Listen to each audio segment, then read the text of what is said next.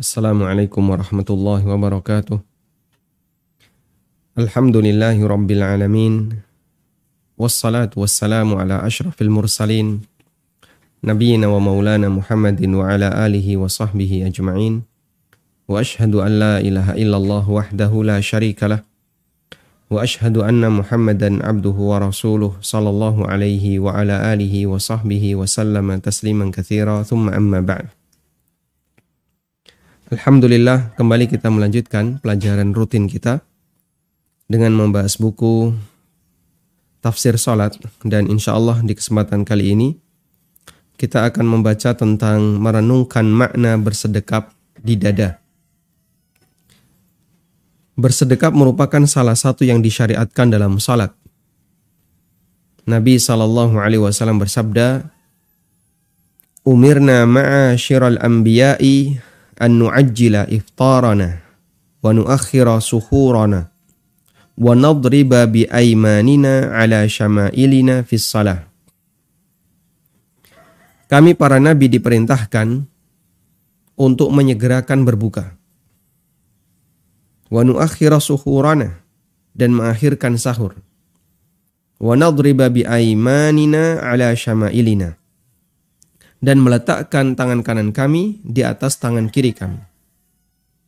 Dan yang dimaksud itu adalah bersedekap ketika sholat fis salati ketika melaksanakan sholat. Hadis riwayat Ad-Daruqutni dan disahihkan oleh Syalbani.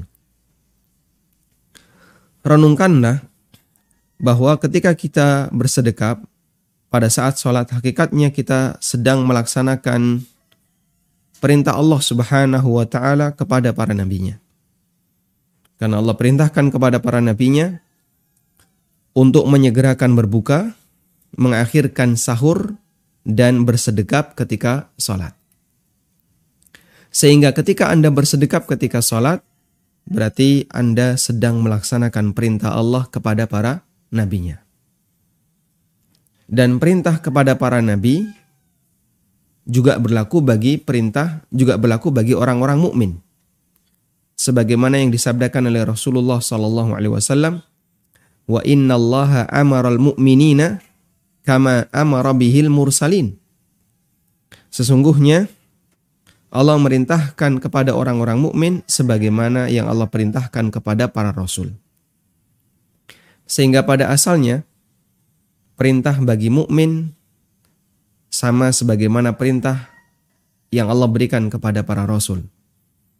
Kecuali jika di sana ada peng, ada penghususan sehingga itu hanya berlaku bagi para nabi, tidak berlaku bagi orang mukmin yang lain. Selanjutnya cara bersedekap sesuai sunnah ada dua. Yang pertama, telapak tangan kanan diletakkan tanpa menggenggam di atas telapak tangan kiri, pergelangan tangan kiri, atau hasta tangan kiri. Jadi ada tiga tempat. Punggung tangan kiri, pergelangan tangan kiri, hasta tangan kiri. Hasta itu sampai siku. Ya. Kalau ini lengan ya. Karena ada uh, salah satu penerjemah yang menerjemahkan kata as-sa'id dengan lengan. Padahal yang lebih tepat itu adalah hasta. Yang kedua, telapak tangan kanan menggenggam punggung telapak tangan kiri. Telapak tangan kanan menggenggam punggung telapak tangan kiri. Dan dua-duanya berdasarkan riwayat yang sahih sebagaimana yang kami cantumkan. Anda bisa memilih posisi ketika bersedekap secara bergantian agar tidak hanya satu posisi saja yang itu bisa membuat sholat kita cenderung bergerak otomatis tanpa dipikirkan sebelumnya. Kalau orang bersedekap punya kebiasaan posisi tertentu setiap bersedekap selalu seperti ini. Atau selalu seperti ini. Atau begini ya. Di perutnya. Dan selalu seperti itu ketika dia sholat maka gerakannya akan cenderung otomatis karena dia tidak tidak berpikir sebelumnya mau pilih gerakan yang mana. Lain halnya kalau Anda punya beberapa cara bersedekap. Kadang kita bersedekap seperti ini. Ya.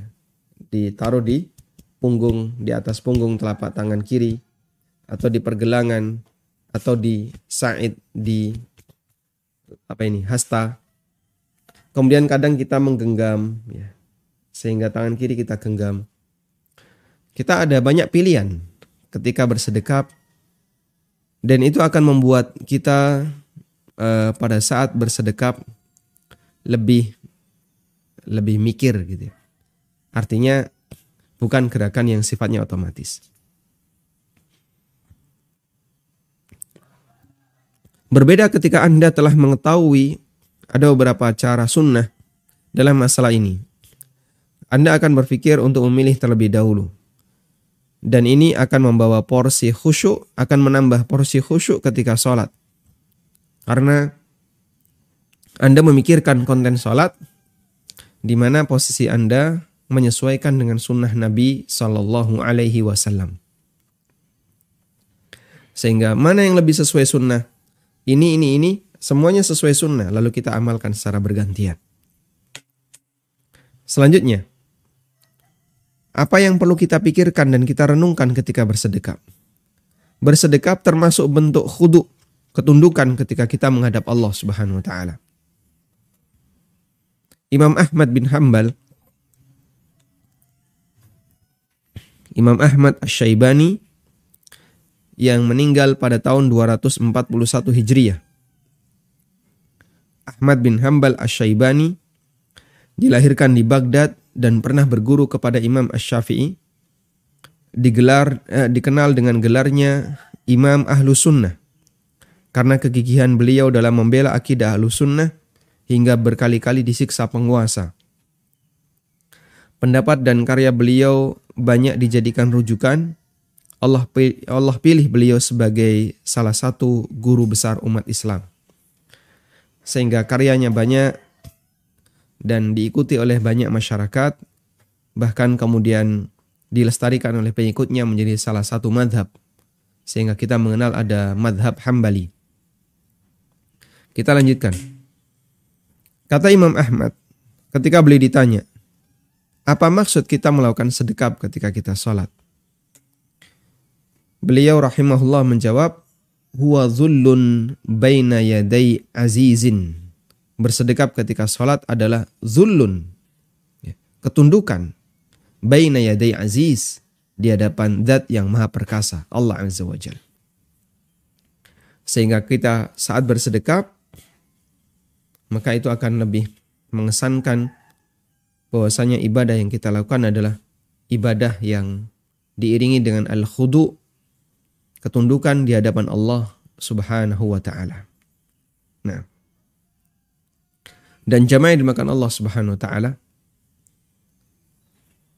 seperti yang kita pahami bahwa ketika orang uh, fokus dengan satu gerakan tertentu maka dia diminta untuk melakukan gerakan tertentu ya kemudian fokus di situ misalnya seorang penari lalu dia memberikan salam hormat sebelum dia menari maka mungkin dia akan memberikan salam hormat entah begini atau begini atau bagaimana. Seorang prajurit ketika dia memberikan salam hormat kepada atasannya, maka dia akan melakukan gerakan tertentu. Dan gerakan itu diajarkan khusus, ada cara tertentu. Ada yang begini, ada yang begini, ada yang entah bagaimana. Intinya ada salam hormat di sana. Tayyib. Nah, kita ketika menghadap Allah Subhanahu wa taala, Allah perintahkan agar kita bersedekah. Sebagai perin, sebagaimana perintah yang ditujukan kepada para nabi. Dan ketika kita lakukan itu, renungkan bahwasanya Anda sedang huduk di hadapan Allah, menampakkan ketundukan kerendahan hati di hadapan Allah Subhanahu wa taala dengan bersedekah. Nah, selanjutnya kita akan menghayati makna ruku ketika sholat. Ruku termasuk unsur penting dalam salat. Artinya dia bagian dari rukun. Karena itu di beberapa ayat dalam Al-Quran, Allah menyebut salat dengan ruku. seperti dalam firman-Nya warka'u ma'ar raki'in. Lakukanlah ruku bersama orang-orang yang ruku. Yang ini diplesetkan oleh sebagian orang warka'u ma'ar raki'in dengan terjemah merokoklah bersama orang-orang yang merokok. Subhanallah dari ucapan semacam ini dan kita berlindung kepada Allah dari tindakan yang suka memplesetkan firman-firman Allah Subhanahu wa taala. Ruku yang dimaksud dalam ayat ini adalah melaksanakan salat. Warka'u ma'arraqiin, rukuklah bersama orang yang ruku. Artinya adalah kerjakanlah salat bersama orang-orang yang mengerjakan salat. Sehingga kita diperintahkan untuk berjamaah ketika kita melaksanakan salat. Bahkan kata ruku dijadikan sebagai standar untuk menyebut satuan kuantitas salat. Sehingga kita mengenal istilah rokaat. Yang itu diambil dari kata ruku. Padahal gerakan sholat itu banyak. Ada berdiri, ada sujud, ada duduk. Namun syariat tidak menyebut sholat dua sajadat. Sholat dua kali sujud. Atau sholat dua jalasat. Atau empat jalasat yang artinya duduk. Juga sholat tidak disebut dengan kiamat dua kiamat, tidak. Tapi yang dipakai adalah rokaat. Sehingga yang diambil adalah rukuknya. Satu ruku mewakili satu paket gerakan sholat. Ya. Sehingga kalau sholat subuh ada dua paket, maka disebut dua ruku atau dua rokaat. Dan juga dalam pembacaan Al-Quran. Tapi ini hanya berlaku di mushaf. Wallahu alam mungkin hanya di negara kita. Kami tidak menjumpai di negara yang lain. Untuk mushaf di negara yang lain ya. Wallahu alam mungkin Malaysia atau uh, sekitar Asia Tenggara mengikuti apa yang ada di Indonesia. Ada istilah bacaan satu marka atau satu ruko. Sehingga jarak tertentu dalam satu muka itu ada satu ruko. Maksudnya adalah ketika orang menghafalkan Al-Quran, maka itu dibaca untuk satu rokaat. Jika mau dibaca dalam sholat. Selanjutnya ruku didefinisikan oleh Al-Asfahani. Ar-ruku'u al-inhina. Fataratan yusta'malu fil hay'atil makhsusah fis salah kama hiya wa taratan fit tawadhu'i wat tadallul. Rukuk secara bahasa artinya menunduk. Terkadang digunakan untuk menyebut gerakan rukuk dalam salat. Terkadang sinonim dengan kata tawadhu dan ketundukan. Namun secara makna bahasa artinya adalah al-inhina artinya adalah menunduk. Orang Jepang ketika ketemu yang lain lalu dia nunduk itu namanya rukuk secara bahasa. Orang kafir menolak ketika diperintahkan untuk rukuk kepada Allah Subhanahu wa taala. Wa idza qila lahum la yarka'un. Wailu yawma idzil mukadzibin. Dulu ketika di dunia mereka diperintahkan untuk rukuk tapi mereka tidak mau rukuk. Wailu yawma idzil mukadzibin. Kecelakaan pada hari itu yaitu hari kiamat bagi orang-orang yang mendustakan, yaitu bagi orang kafir. Ada di surat Al-Mursalat. Mereka tidak mau rukuk kepada Allah Subhanahu wa taala. Lalu diancam oleh Allah Subhanahu wa taala bahwa mereka akan mendapatkan kecelakaan. Mereka akan celaka di hari kiamat. Karena itu ketika kita melakukan rukuk, baik, renungan apa yang bisa kita hadirkan? sadari bahwa kita sedang melaksanakan perintah Allah di mana orang kafir nggak mau melaksanakannya. Diingkari oleh orang kafir. Sehingga sebagaimana orang kafir nggak mau rukuk, dia diazab oleh Allah. Kita berharap semoga ketika kita rukuk kepada Allah Subhanahu wa taala, nanti kita akan diselamatkan oleh Allah dari azabnya di akhirat. Tidak sebagaimana orang kafir yang diancam dengan azab. Sehingga begini ya. Ada orang tua memarahi anaknya karena dia disuruh A nggak mau. Lalu anak yang lain mau melakukan A. Maka mungkin dalam hatinya akan diiringi dengan perasaan. Ibu memarahi A, ibu memarahi apa kakak saya karena dia nggak mau melakukan A. Saya berharap dengan melakukan A, nanti ibu akan semakin sayang kepada saya. Sehingga ada semangat untuk mendapatkan anugerah dari Allah Ta'ala. Mendapatkan kasih sayang Allah. Ketika kita melihat ada orang yang diancam oleh Allah dengan kecelakaan. Kelak di hari kiamat disebabkan karena dia tidak mau melakukan amal itu. Maka itu akan membuat kita semakin semangat dalam melakukannya. Walhamdulillahirrabbilalamin. Tayyib. Sampai di sini makna menghayati rukuk ketika sholat. Jadi ada dua yang perlu kita hadirkan. Pertama, mengamalkan perintah Allah di surat Al-Baqarah. Warka'u ma'arraqi'in. Lakukanlah rukuk bersama orang-orang yang rukuk. Yang kedua, agar kita tampil beda dengan orang kafir. Sehingga kita berharap mendapatkan kasih sayang Allah.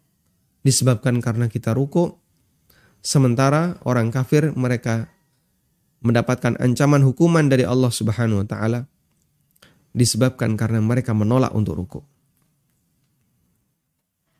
Selanjutnya yang kelima, kita beralih pada menghayati makna sujud ketika sholat. Iktidal kenapa tidak Pak? Iktidal sama dengan posisi berdiri. Dan itu sudah kita bahas pada pertemuan sebelumnya. Kita akan membaca tentang menghayati makna sujud ketika sholat. Sujud merupakan posisi gerakan dalam sholat yang paling menunjukkan ketundukan seorang hamba di hadapan sang penciptanya. Ketika sujud, seorang hamba meletakkan anggota badan yang paling mulia, yaitu wajahnya, di lantai yang sejajar dengan kakinya. Ini muka organ yang paling kita lindungi bersama kepala kita.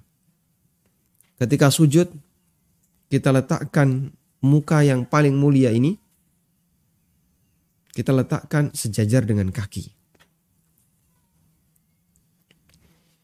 Sehingga di saat itulah hamba meletakkan anggota badan yang paling mulia yaitu wajahnya di hadapan Robnya sebagai bentuk ketundukan puncak kepada Allah Subhanahu wa taala.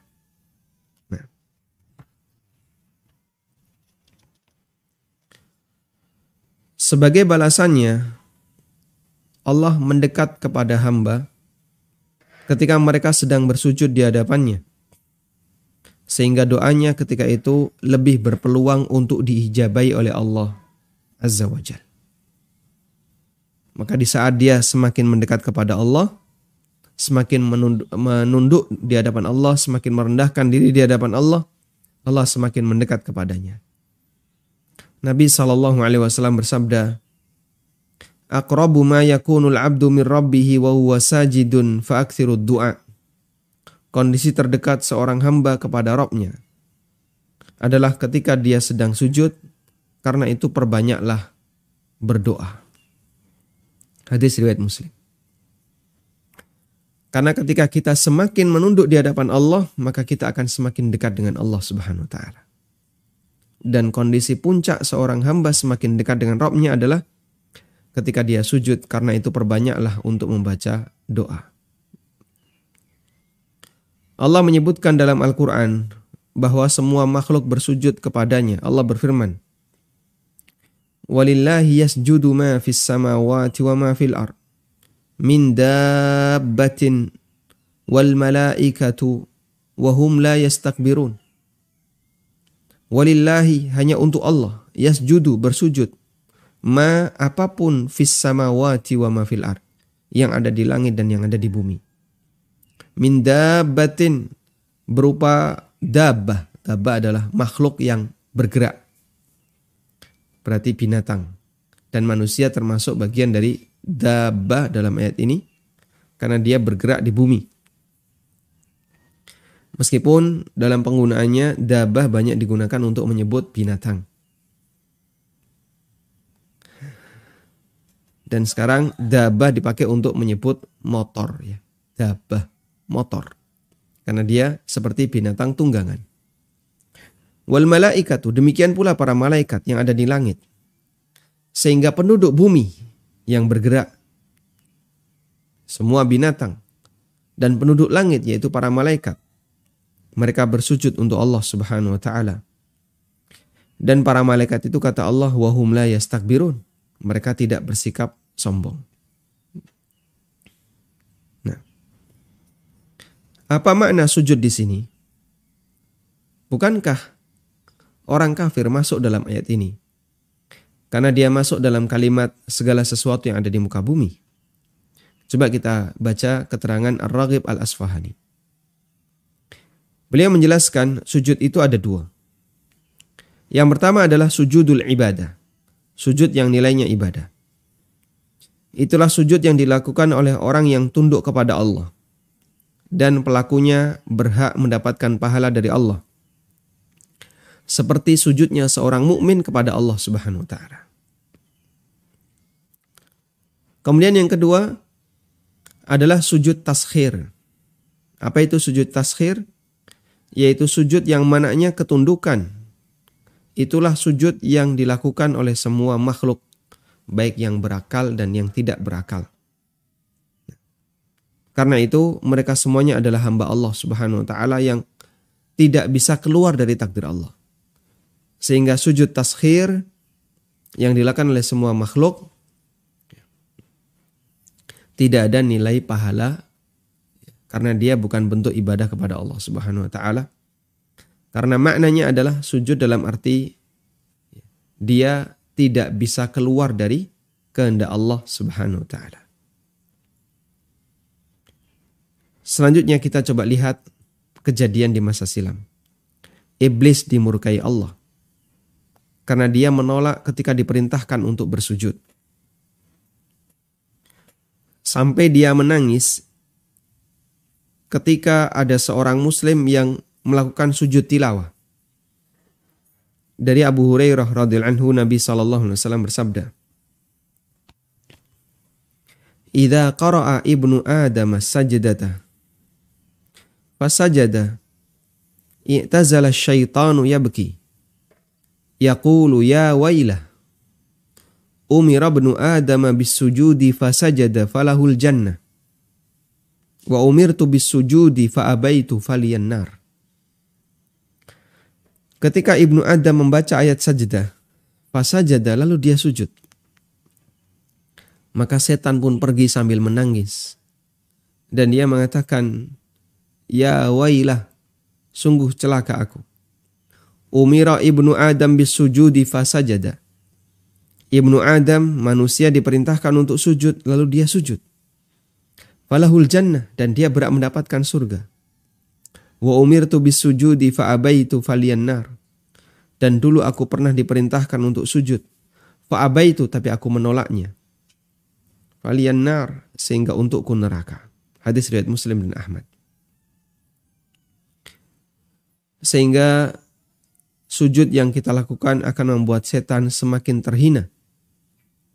Nabi Shallallahu Alaihi Wasallam menyebut tentang sujud sahwi wa in kana shalla itmaman di arba'in kanata targhiman syaitan. Apabila orang itu ternyata sholatnya genap sempurna empat maka kedua sujud sahwi ya, di situ tertulis sujud sahih ya. Yang lebih tepat sujud sahwi itu akan dijadikan sebagai targhiman syaitan untuk mengejek setan. Sujud sahwi itu statusnya adalah untuk mengejek setan. Nah, jadi ada orang yang ketika sholat dia lupa berapa jumlah gerakan sholatnya, berapa jumlah rokaat yang sudah dia kerjakan. Ini sudah empat ataukah masih tiga? Karena lupa, syariat mengajarkan kalau blank sama sekali, maka pilih yang lebih sedikit. Sehingga dia tambahkan satu rokaat. Sudah? Setelah itu dia melakukan sujud sahwi. Sujud sahwi. Apa fungsi sujud sahwi? Andekan sholatnya itu benar empat rakaat. bukan lima rakaat. Karena kan dia tadi blank. Ini sudah empat ataukah baru tiga? Fungsinya posisi sujud sahwi di situ adalah targiman li syaitan untuk mengejek setan, menghina setan. Sehingga dia meskipun berhasil berhasil menggoda manusia, berhasil mengganggu sholatnya orang. Bahkan sampai orang itu lupa berapa jumlah rokaatnya. Tapi Allah subhanahu wa ta'ala kasih solusi. Kau bisa kerjakan sujud sahwi. Sehingga dengan itu akan menutupi kekuranganmu disebabkan karena godaan setan tadi. Nah, dan itu membuat setan semakin terhina. Selanjutnya apa yang bisa kita renungkan ketika sujud? Dari apa yang tadi kita singgung, maka kita bisa merenungkan beberapa hal ketika sujud. Yang pertama, bahwasanya saat kita sujud, hakikatnya kita sedang berada di puncak kedekatan dengan Allah Ta'ala. Sebagaimana sabda Nabi SAW, Aqrabu ma yakunul abdu min rabbihi wa sajid kondisi terdekat hamba kepada Robnya adalah ketika dia sedang sujud. Sehingga saat Anda sujud, bayangkan Anda di posisi paling dekat dengan Allah Azza wa Jal. Yang kedua, Allah perintahkan kita untuk sujud. Dan malaikat juga bersujud. Orang-orang soleh bersujud. Maka ketika kita sujud, hadir dalam batin kita bahwasanya kita sedang menjalankan perintah Allah bersama orang-orang soleh termasuk bersama para malaikat. Yang ketiga, kita teringat kondisi iblis. Iblis dia nggak mau sujud sehingga dihukum oleh Allah Taala. Maka kita berharap semoga ketika kita sujud kita tidak menjadi pengikut iblis dan kita akan diselamatkan oleh Allah Subhanahu wa taala dari neraka. Ya. Yang keempat, sujud itu membuat setan nangis. Dan kita senang ketika setan itu nangis. Kenapa? Sebagaimana setan senang ketika kita nangis, maka kita juga senang ketika setan itu nangis. Setan akan merasa senang ketika kita celaka di akhirat ketika kita melakukan tindakan yang menyimpang. Karena dia semakin memperbanyak temannya di neraka, pelampiasan pelampiasan dendamnya kepada Adam terwujud. Sehingga dia ketawa-ketawa, dia senang. Tapi saat ada orang yang melakukan ketaatan kepada Allah, terutama ketaatan yang dulu dia tolak, yaitu bersujud, maka saat kita bersujud kita ingat dulu iblis nggak mau sujud. Sekarang aku sujud dan iblis akan sedih melihatku sujud. Karena berarti dia tidak berhasil menggoda kita untuk bersikap sombong tidak mau sujud. Walhamdulillah. Nah, menghadirkan perasaan semacam ini ketika kita bergerak memang butuh ya ya butuh mikir tapi itu sifatnya tidak terlalu lama lalu kita langsung uh, apa detik berpindah. Kemudian kita membaca subhana rabbiyal a'la subhana rabbiyal a'la. Karena itulah saat sujud kita membaca doa subhana rabbiyal a'la. Ma suci Robku al a'la. Al a'la artinya apa? Yang maha tinggi. Sehingga kita bersujud kepada Allah meletakkan organ yang paling mulia di tempat yang paling rendah karena sejajar dengan kaki kita. Di saat yang sama kita memuji Allah. Subhana rabbiyal a'la. Maha suci Rabbku yang maha tinggi. Maha suci Rabbku yang maha tinggi. Kita meninggikan Allah subhanahu wa ta'ala di saat kita bersujud kepada Allah subhanahu wa ta'ala. Nah. Selanjutnya kita akan beralih ke menghayati makna duduk ketika sholat. Duduk di antara dua sujud dan duduk tasyahud dilakukan dengan meletakkan kedua tangan di paha. Sehingga sang hamba bersimpuh di hadapan Allah. Kedua telapak tangan kita letakkan di paha. Sehingga hamba bersimpuh di hadapan Allah Ta'ala. Pandangannya tunduk ke arah tempat sujud atau ke arah jari telunjuk saat dia sholat. Dia bersimpuh di hadapan Allah pandangannya tidak melebihi dari batas sujudnya sehingga nunduk. Semua ini dilakukan sebagai bentuk tawaduk sang hamba di hadapan Rabbnya. Mengenai cara duduk iftirash yang sesuai sunnah disebutkan dalam keterangan Ibnu Umar radhiyallahu anhu. Bismillah. Alhamdulillah. Kata Ibnu Umar, minas sunnati min sunnati salah an tansibal qadam al yumna wastiqbaluhu bi asabi'iha al qiblata wal julusu 'ala al yusra termasuk sunnah dalam salat maksudnya adalah praktek yang sesuai dengan ajaran Nabi sallallahu alaihi wasallam dalam salat ketika duduk adalah antan sibal qadam al yumna kaki yang kanan diberdirikan ya. kita bayangkan duduk iftirash ya kaki kanan gimana di berdirikan. Wastiqbaluhu bi asabiha al-qiblah. Dan kita menghadapkan jari-jari kaki kanan ke arah kiblat. Kaki berdiri tapi jari-jarinya dihadapkan ke arah kiblat. Caranya gimana? Caranya gimana? Ditekuk. Makanya ketika duduk iftirash, kaki kanan berdiri, tapi jari-jarinya di ditekuk. Wal julusu alal yusra, sementara kaki kiri diduduki. Wal julusu alal yusra. Anda bayangkan duduk iftirash. Mengenai cara duduk di antara dua sujud dan duduk tasyahud dan duduk tasyahud awal, duduk iftirash akan dibahas selengkapnya di masing-masing pembahasan yang terkait dan pahami dan lakukan cara ini dengan baik agar duduk iftirash yang kita lakukan sesuai sunnah. Sunnah Nabi SAW. Yang bisa kita hadirkan ketika duduk iftirash adalah bayangkan bahwasanya Anda sedang bersimpuh di hadapan Allah Subhanahu wa taala. Dengan posisi seperti tadi.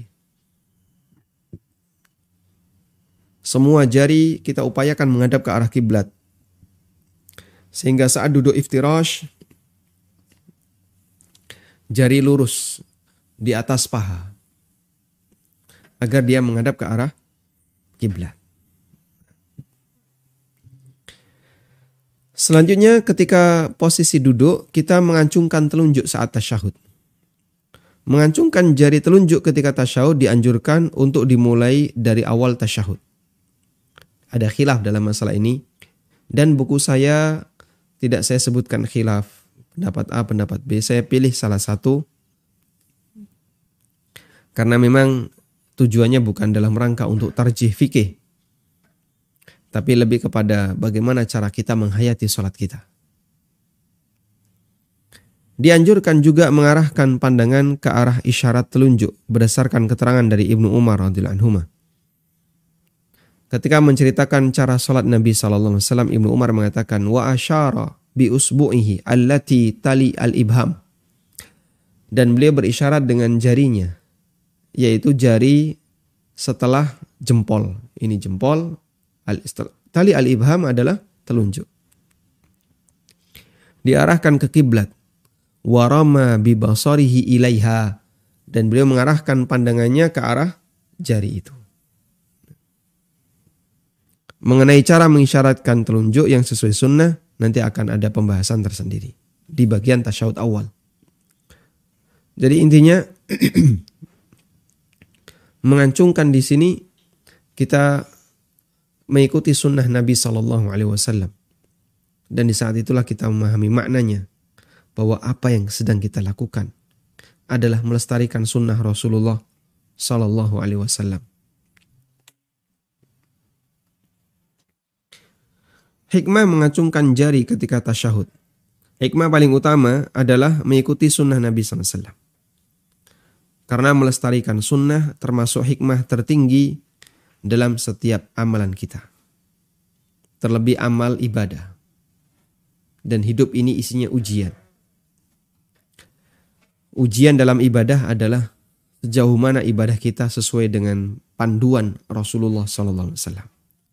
Maka selalu kita pegangi prinsip mana dalilnya. Kamu lakukan ibadah seperti ini dalilnya mana? Selalu kita pegangi prinsip itu, meskipun banyak orang yang gak setuju dengan prinsip ini. Dikit-dikit kok tanya dalil. Dikit-dikit tanya dalil. Nah. memangnya kenapa kalau kita tanya dalil? Kok Anda merasa keberatan ketika ditanya dalil? Padahal kita diajarkan untuk selalu mengikuti dalil. Cinta Nabi SAW adalah mengikuti Rasulullah SAW. Fa innal muhibba liman yuhibbu muti. Karena orang yang mencintai itu akan mengikuti yang dicintai. Nah, di samping itu terdapat hadis yang menyebutkan bahwa isyarat telunjuk ketika tasyahud lebih ditakuti setan daripada pukulan besi. Ketika Ibnu Umar tasyahud, beliau mengisyaratkan telunjuknya.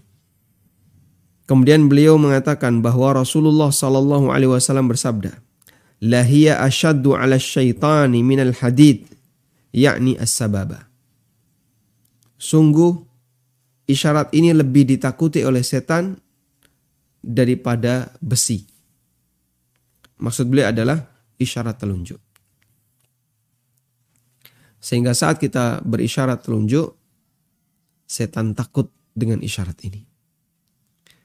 Sebagian ulama menyebutkan bahwa hikmah isyarat telunjuk di sini adalah untuk menunjukkan wahdaniyatullah, keesaan Allah. Makanya yang diisyaratkan berapa?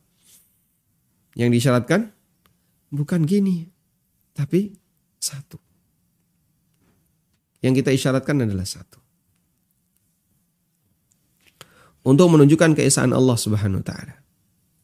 Imam Ibn Utsaimin rahimahullah menyebutkan bahwa isyarat jari telunjuk ketika tasyahud menunjukkan ketinggian dat yang menjadi sasaran dalam berdoa yaitu Allah Subhanahu wa taala. Ya.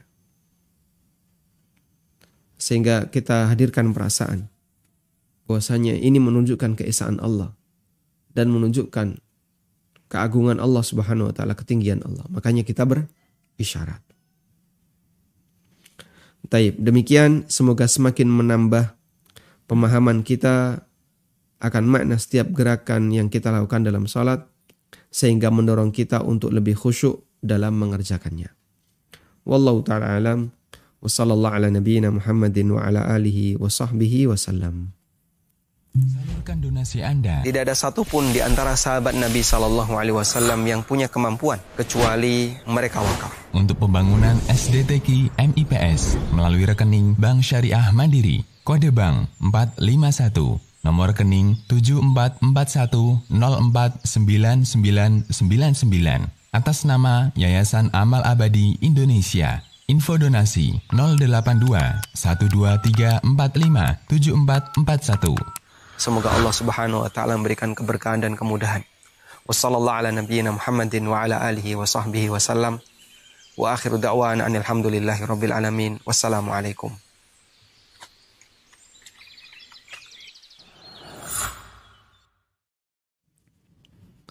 Alhamdulillahi. Selanjutnya kami persilahkan bagi jamaah yang mau bergabung. Baik, silahkan. Assalamualaikum warahmatullahi wabarakatuh, Ustaz. Waalaikumsalam warahmatullahi wabarakatuh. Silakan. Izin bertanya, Ustaz. Kemarin kan ada pertanyaan mengenai uh, apa bolehkah uh, membaca uh, su apa membaca surat uh, untuk memurojaah hafalan sekalian Ustaz ya di dalam sholat. Ustaz bilang boleh kan memang uh, kita menghafal itu untuk menambah uh, bacaan dalam sholat kita Ustaz ya. Tapi kalau misalnya uh, di juz 30 ada yang kita belum selesai Ustadz. Jadi uh, hanya sebagian uh, kita baca di salah satu rokaat sholat itu boleh nggak Ustadz? Gitu loh. Terus satu lagi Ustadz, kalau misalnya kayak di surat Al-Alaq kan uh, ada uh, apa tanda sujud itu ya Ustadz ya. Uh, itu bagaimana Ustadz caranya kalau lagi baca Quran kan kita bisa langsung sujud uh, ini ya Ustadz ya. Tapi kalau misalnya lagi sholat itu seperti apa Ustadz? Itu aja Ustadz. Nah. Ya jazakallah khairan Ustadz. Barakallahu barakallah. Bagaimana kalau kita baru menghafal sebagian dari surat bolehkah dipakai untuk melakukan sholat? Jawabannya, selama yang kita hafal itu, penggalannya memungkinkan untuk kita jadikan sebagai wakaf, maka silahkan dipakai untuk sholat. Tapi kalau penggalannya belum memungkinkan, maka sebaiknya Anda genapkan agar nanti tidak terjadi kerancuan makna. Contohnya, kita menghafal surat Al-Ma'un. Lalu kita gunakan dalam sholat. Kita membaca Ara'aital ladzi yukadzibu biddin Fadzalikal ladzi yad'ul Wala yahuddu ala tu'amil miskin Fawailul lil musallin Sampai di situ hafalannya Allahu Akbar Wah ini jadinya ngerusak makna Karena di bagian akhir kita cuma membaca Fawailul lil musallin celakalah orang-orang yang sholat. Ya kita termasuk orang yang sholat. Berarti masuk dalam apa yang kita baca. Kalau terjadi seperti itu, berarti harus digenepi. Sehingga tidak boleh berhenti di situ, terus nggak ada lanjutannya. Nah, saya belum hafal ya. Ya kalau belum hafal, tunggu dulu, hafalkan dulu gen, uh, apa lanjutannya, agar nanti tidak menimbulkan kerancuan makna. Tapi kalau misalnya eh, Anda menghafal sebagian ayat dari surat yang panjang. Apa misalnya? Yang sulit. Katanya al-mutaffifin. Wailul lil mutaffifin alladzina idza iktalu 'alan nasi yastawfun wa idza kaluhum aw wazanuhum yukhsirun. Ala yadhunnu ulaika annahum mab'utsun liyaumin 'adzim yauma yaqumun. Sampai di situ kita ruku, insya Allah tidak masalah. Karena dia masih satu paket pembahasan. Ya. Meskipun lengkap lebih bagus. Dan nanti insya Allah kita akan bahas kaidah yang diberikan oleh syariat terkait pemilihan surat dan ayat ketika kita sedang sholat ya, dan bagaimana cara Nabi Shallallahu Alaihi Wasallam dalam memilih ayat dan surat. Insya Allah akan kita bahas di lanjutan pembahasan. Selanjutnya, ketika kita membahas ayat sajdah. Ayat sajdah kita membaca ketika sholat. Membaca ayat sajdah ketika kita sedang sholat.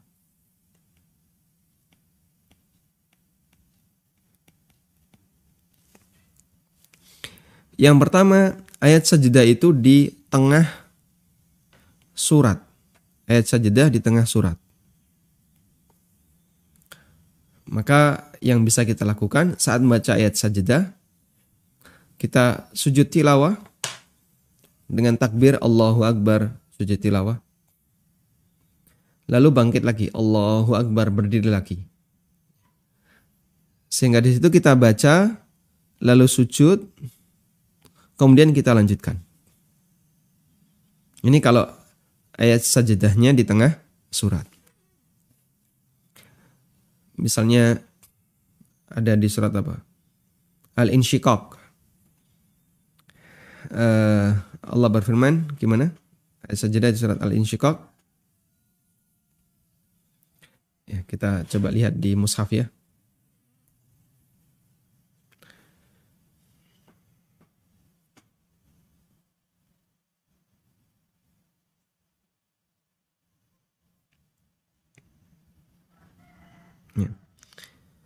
فما لهم لا يؤمنون وإذا قرئ عليهم القرآن لا يسجدون lalu kita sujud Allahu Akbar sujud Allahu Akbar berdiri lagi balil ladzina kafaru yukadzibun wallahu a'lamu bima yu'un dan seterusnya sampai akhir surat, kemudian kita ruku. Yang kedua, ayat sajdah berada di akhir berada di akhir surat. Ketika ayat sajdah berada di akhir surat, maka yang kita lakukan adalah satu ya, baca sampai selesai lalu sujud tilawah. Sujud tilawah. Seperti ada di surat Al-Alaq. Wasjud waqtarib. Terus Allahu Akbar, sujud tilawah. Karena kita sedang sholat, berarti nanti harus bangkit untuk ruku. Allahu Akbar, bangkit ruku ya. Takbir. Terus Allahu Akbar, ruku. Jadi sujud tilawah, Allahu Akbar berdiri, langsung Allahu Akbar, ruku. Ini cara pertama. Cara yang kedua, baca sujud eh, baca surat Al-Alaq lalu sujud, sujud tilawah.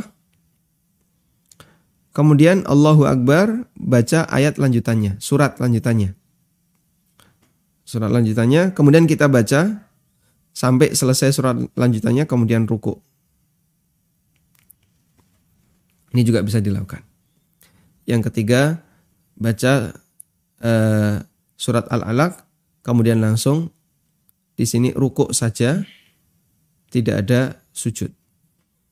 Sebagai pengganti dari sujud tilawah. Langsung kita rukuk. Allahu Akbar rukuk. Tanpa sujud tilawah. Dan tiga ini dijelaskan oleh Ibnu Mas'ud radhiyallahu anhu. Cara yang ketiga ini dijelaskan oleh Ibnu Mas'ud sebagai pengganti dari sujud tilawah ketika sujud tilawah itu ada di akhir surat maka bisa langsung dengan ruku. Wallahu alam.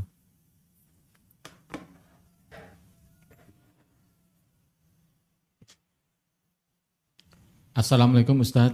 Waalaikumsalam warahmatullahi Saya seorang ibu umur 42 tahun. Saat umur 18 tahun saya mengalami kecelakaan dan efek saat ini kaki kiri tidak bisa ditekuk sama sekali. Saat ini saya, saya sholat dengan duduk selonjor di lantai. Pertanyaannya, apakah sudah tepat sholat saya tersebut Ustaz? Jazakallah khairan. Wassalamualaikum warahmatullahi wabarakatuh. Waalaikumsalam warahmatullahi wabarakatuh. Barakallahu fikum dan semoga sakit yang diderita oleh siapa pun di antara muslim Allah jadikan sebagai kafarah pelebur dari setiap dosa dan kesalahan yang kita lakukan. Selanjutnya, bagaimana untuk kasus yang Anda alami? Allah berfirman, Fattakullaha mastata'tum. Bertakwalah kepada Allah mastata'tum semampu kalian. Nabi Shallallahu alaihi wasallam bersabda, "Wa idza amartukum bi syai'in fa'tu minhu mastata'tum." Apabila aku perintahkan kalian untuk melakukan sesuatu, maka lakukanlah semampu kalian. Dan itu jadi kaidah bahwa setiap amalan yang wajib dia dilakukan sesuai dengan kemampuan hamba. Sehingga kalau bisa ideal A, dia harus lakukan yang ideal, yang sempurna. Kalau tidak bisa, maka dia lakukan yang di bawah derajat sempurna sesuai dengan kemampuannya. Jika kasusnya adalah kaki tidak bisa ditekuk, tapi bisa diajak untuk berdiri. Sehingga Anda bisa berdiri, Cuman kalau ditekuk untuk sujud, untuk duduk tidak bisa. Maksudnya duduk iftirash atau duduk tawaruk tidak bisa. Tapi berdiri bisa. Maka Anda harus sholat sambil berdiri. Karena berdiri ketika sholat wajib hukumnya rukun. Dan ketika posisi di mana kaki itu tidak bisa diajak untuk digerakkan dengan sempurna, Misalnya tidak bisa diajak untuk sujud, tidak bisa diajak untuk duduk di antara dua sujud dan seterusnya. Maka Anda duduk dengan kursi. Ya. Sehingga Anda bisa menggunakan kursi kecil, ya. kursi ya kursi yang yang kira-kira tidak sampai membuat kaki Anda ditekuk ya. Sebisanya. Misalnya kursi plastik itu, ya, kursi-kursi plastik Anda sholat sambil berdiri. Nah saat mulai kalau bisa ruku harus ruku ya. Saya masih bisa ruku pak. Yang penting pokoknya kakinya lurus. Anda harus ruku. Di posisi kaki lurus. Iktidal berarti bangkit berdiri lagi. Nah saat sujud Anda duduk. Lalu berisyarat. Allahu Akbar. Allahu Akbar. Allahu Akbar. Sehingga sujud dan duduk di antara dua sujud serta tasyahud nanti dilakukan di posisi duduk. Tidak masalah yang seperti ini. Itu yang saya maksud menerapkan kaidah fattaqullaha mastata'tum. Bertakwalah kepada Allah semampunya. Sehingga yang bisa berdiri harus tetap berdiri. Kalau nggak bisa berdiri, dia nggak bisa berdiri. Kalau berdiri lama, wah nanti bisa orang vertigo itu kan ya. Kalau berdiri bisa langsung geleang, maka silahkan sholat sambil posisi duduk. Duduk sebisanya. Wallahu alam. Silahkan. Assalamualaikum warahmatullahi wabarakatuh. Waalaikumsalam warahmatullahi wabarakatuh. Saya Ibu Suryana dari dari Langsa Aceh, Ustadz. Silakan Ibu. Uh, mau bertanya. Uh, dikatakan kalau membaca surat Al-Baqarah, maka setan akan lari terbirit-birit. Nah. Nah, sedangkan saya, Ustadz, uh, saya berusaha uh, menambah hafalan, murojaah, untuk saya bawa sholat. Uh, jadi otomatis uh, saya tidak uh, mengulang-ulang dari surah Al-Baqarah. Jadi uh, saya uh, kalau bulan Ramadan baru saya uh, dari berusaha uh, menghatamkan Al-Quran dalam Al-Baqarah. Jadi kalau saya uh, tidak membaca surah Al-Baqarah, murojaah, tambah hafalan, murojaah, tambah hafalan, apakah uh, setan itu tidak lari terbirit-birit? Uh, yang kedua, Ustadz, uh, saya uh, adik yang paling kecil, dua kakak saya di atas, satu laki-laki, satu perempuan. Hubungan hubung silaturahminya terputus, Ustadz. Jadi umur umur kami sudah uh, kalau saya uh, di bawah 60, mereka di atas 60 Uh, susah sekali uh, karena kakak perempuan saya ini memang agak tajam lisannya, berulang-ulang terjadi, maaf terjadi lagi. Jadi kakak laki-laki saya ini sakit hati sekali. Yang sekarang dua-dua sudah sakit-sakitan Ustaz, sakit jantung, sakit yang berat. Jadi hubungan belum tersambung, apalagi di zaman COVID ini tidak ada kunjungan. Abah yang saya selalu berdoa menangis Ustaz, beri kesempatan sebelum tiba ajal. Jadi apa yang harus saya uh, lakukan dengan menjaga takut juga saya uh, saya yang kena uh, semprot nanti dari kakak laki-laki terutama cukup keras uh, orangnya Ustaz. Mohon pencerahannya. Barakallahu fiik. Assalamualaikum warahmatullahi wabarakatuh. Waalaikumsalam warahmatullahi wabarakatuh.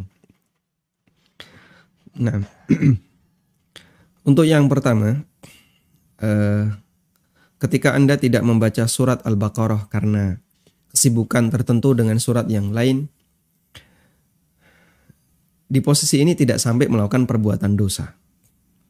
Nabi Shallallahu Alaihi Wasallam menjelaskan keutamaan banyak surat. Surat ini punya keutamaan, surat ini punya keutamaan, surat ini punya keutamaan. Dan memang idealnya kita baca semuanya. Cuman kita punya banyak keterbatasan kita um, misalnya saya baca Qurannya masih lambat sekali. Saya baca Qurannya masih plegak pleguk. Kadang kadang apa lancar, kadang lambat. Ada yang saya masih sibuk menghafal surat di juz amma, di juz 30. Ada banyak faktor di mana kita tidak bisa melaksanakan semua itu. Dan itu adalah sunnah tanawu. Artinya semuanya bagian dari ajaran Nabi SAW. Dan kita dikasih pilihan. Mau yang ini bagus, yang ini bagus. Memang yang paling bagus adalah kalau bisa semuanya. Ya. Karena itu Nabi Shallallahu Alaihi Wasallam pernah mengatakan, "Khudhu minal a'mali ma tutikun." Ambillah amal dari syariat ini yang mampu kalian rutinkan. Fa innallaha la yamallu hatta tamallu. Karena Allah nggak pernah bosan untuk memberikan pahala kepada hambanya hatta tamallu sampai kalian sendiri bosan untuk beramal. Nabi Shallallahu Alaihi Wasallam menyebutkan sholat punya keutamaan, puasa punya keutamaan, zikir ada keutamaannya, membaca Quran ada keutamaan, ini ada keutamaan, ini ada keutamaan, ada banyak sekali amal yang berisi keutamaan. Cuman masya Allah ini kalau kita praktekkan semuanya, rasanya kok mustahil. Makanya saya terkadang terheran begini. Itu orang yang sibuk dengan bid'ah. Apakah dia sudah mengamalkan semua sunnah? Kok sampai dia cari-cari amal yang lain yang gak ada dalilnya? Yang pakai dalil saja, kita itu belum tentu mampu untuk mengerjakan semuanya. Ini ngapain ditambah-tambahin? Sehingga kadang saya itu terheran, ini ngapain orang ini? Masih banyak pekerjaan, ibaratnya begini ya. Instruksi dari kantor, kamu kerjakan 10 item. Dari 10 item itu bagian dari kredit kamu yang nanti akan dapat upah tambahan. Kita kalau kerjakan fokus 10 item ini belum tentu mampu menyelesaikannya.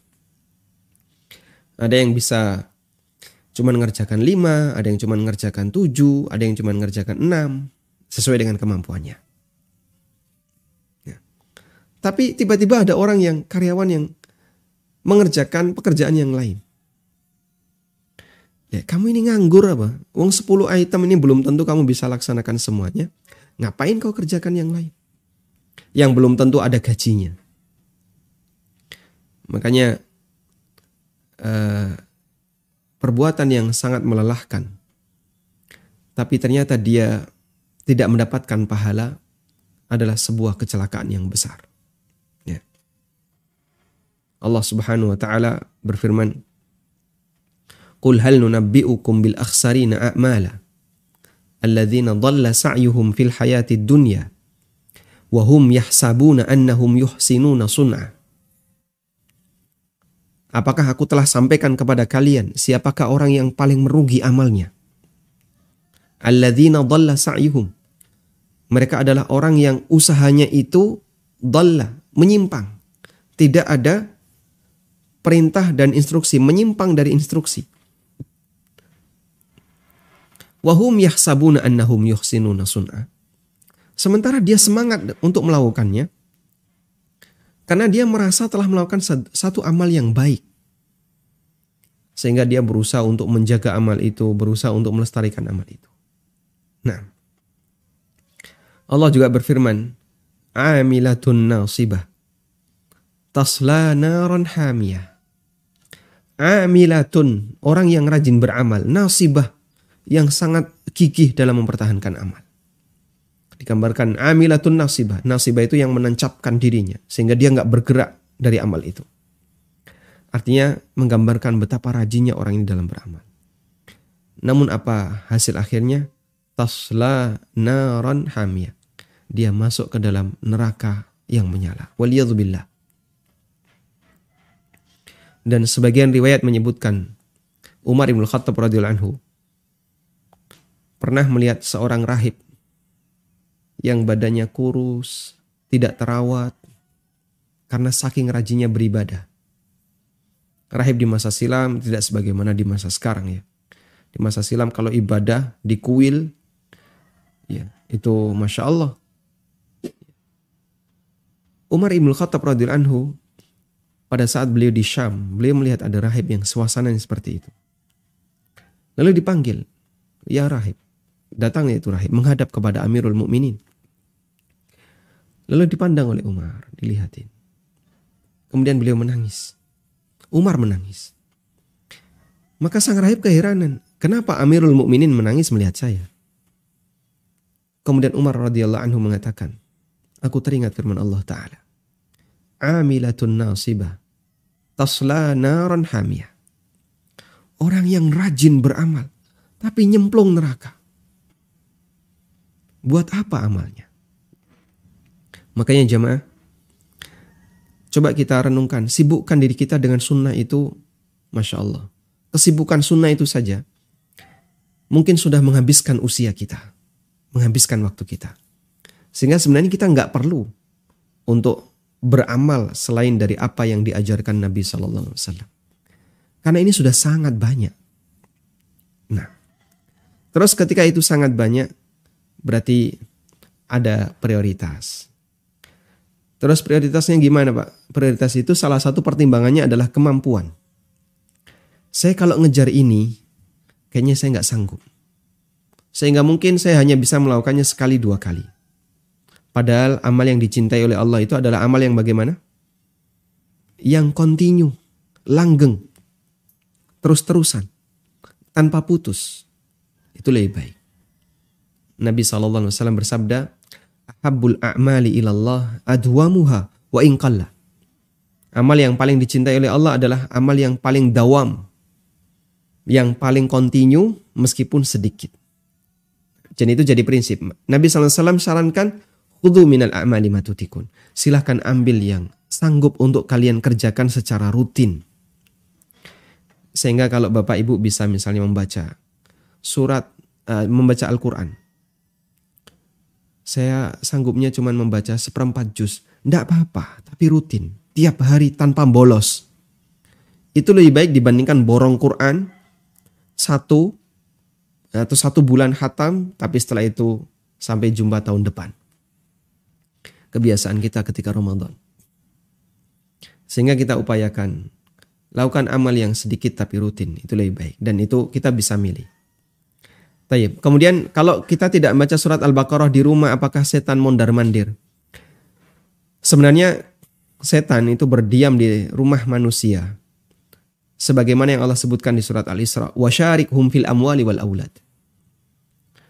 Silahkan kalian bersama manusia fil amwali wal aulad dalam menikmati harta mereka dan menikmati anak mereka.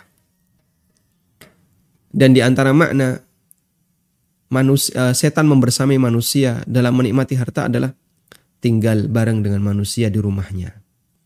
Sehingga manusia masuk rumah, dia ikut masuk rumah. Nah, untuk meminimalisir itu, Nabi Shallallahu Alaihi Wasallam memberikan beberapa doa, misalnya baca basmalah sebelum masuk rumah. Jangan lupa baca basmalah. Bismillah. Kalimatnya pendek, bismillah sebelum masuk rumah. Jangan jadi orang awam yang dia buta agama dan tidak mau melakukannya sama sekali sehingga dia jadi temannya setan di rumahnya. Masuk rumah bludas-bludus ya. Gak pernah baca bismillah, gak pernah zikir. Keluar masuk rumah dia gak mengucapkan apa pun. Yang kedua baca bismillah ketika mau makan, mau minum, agar setan tidak turut menikmati harta kita. Baca bismillah ketika kita membuka aurat saat masuk kamar mandi. Nah, itu semuanya kita lakukan dalam rangka agar kita terjaga dari gangguan setan sebisanya. Selanjutnya, Anda bisa baca surat Al-Baqarah kalau nggak mampu untuk rutin ya misalnya bisa dengan kemudian menggunakan rekaman suara karena kalimatnya adalah tuqra'u fihi suratul baqarah. Inna syaitana yanfiru min baitin tuqra'u fihi suratul baqarah. Sesungguhnya setan lari dari rumah yang dibacakan surat Al-Baqarah. Kalimat dibacakan menunjukkan siapa pun yang membacanya bebas. Bisa penghuninya, bisa orang lain yang membaca Quran di situ, bisa juga uh, pakai rekaman dan seterusnya. Selanjutnya, semangat Anda untuk menyatukan keluarga Anda. Agar mereka bisa silaturahmi. Jadi, permusuhan untuk urusan dunia itu maksimal dibatasi oleh Nabi Shallallahu Alaihi Wasallam maksimal tiga hari. Kalau lebih dari itu, ya nanti menjadi masalah di akhirat. Maka bagus sekali jika Anda punya upaya besar untuk menyatukan kembali. Dan termasuk di antara amal besar adalah islahu dzatil bain. Mendamaikan dua orang yang sedang sengketa. Baik.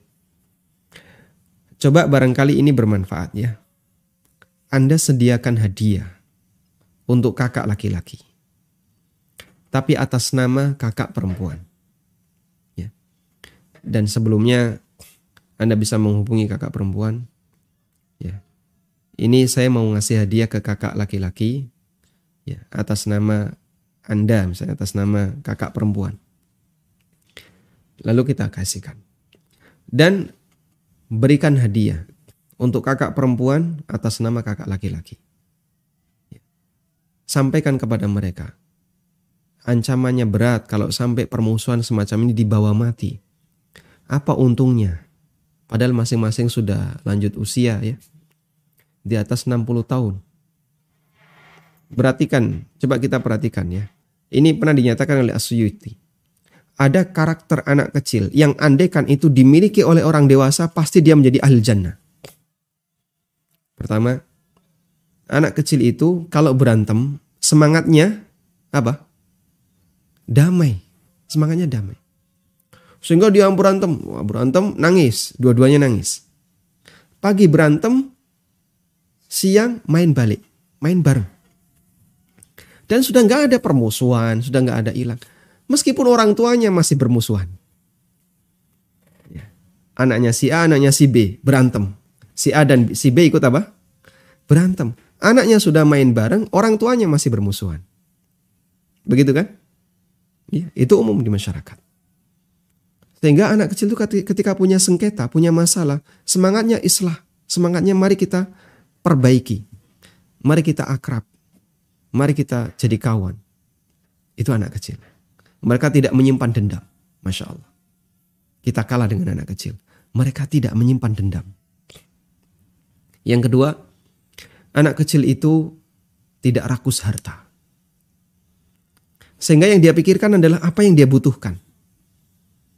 Anda kasih dia uang 100 ribu. Masya Allah. Ulus yang warnanya merah. Yang alus-alus. Ya, kata orang kan kayak gitu ya. Dengan apa misalnya es krim yang harganya cuma 2 ribu. Aice itu kan 2000 ya. Suruh pilih mana? Pilih salah satu. Dia milih mana? Milih es krim, Pak.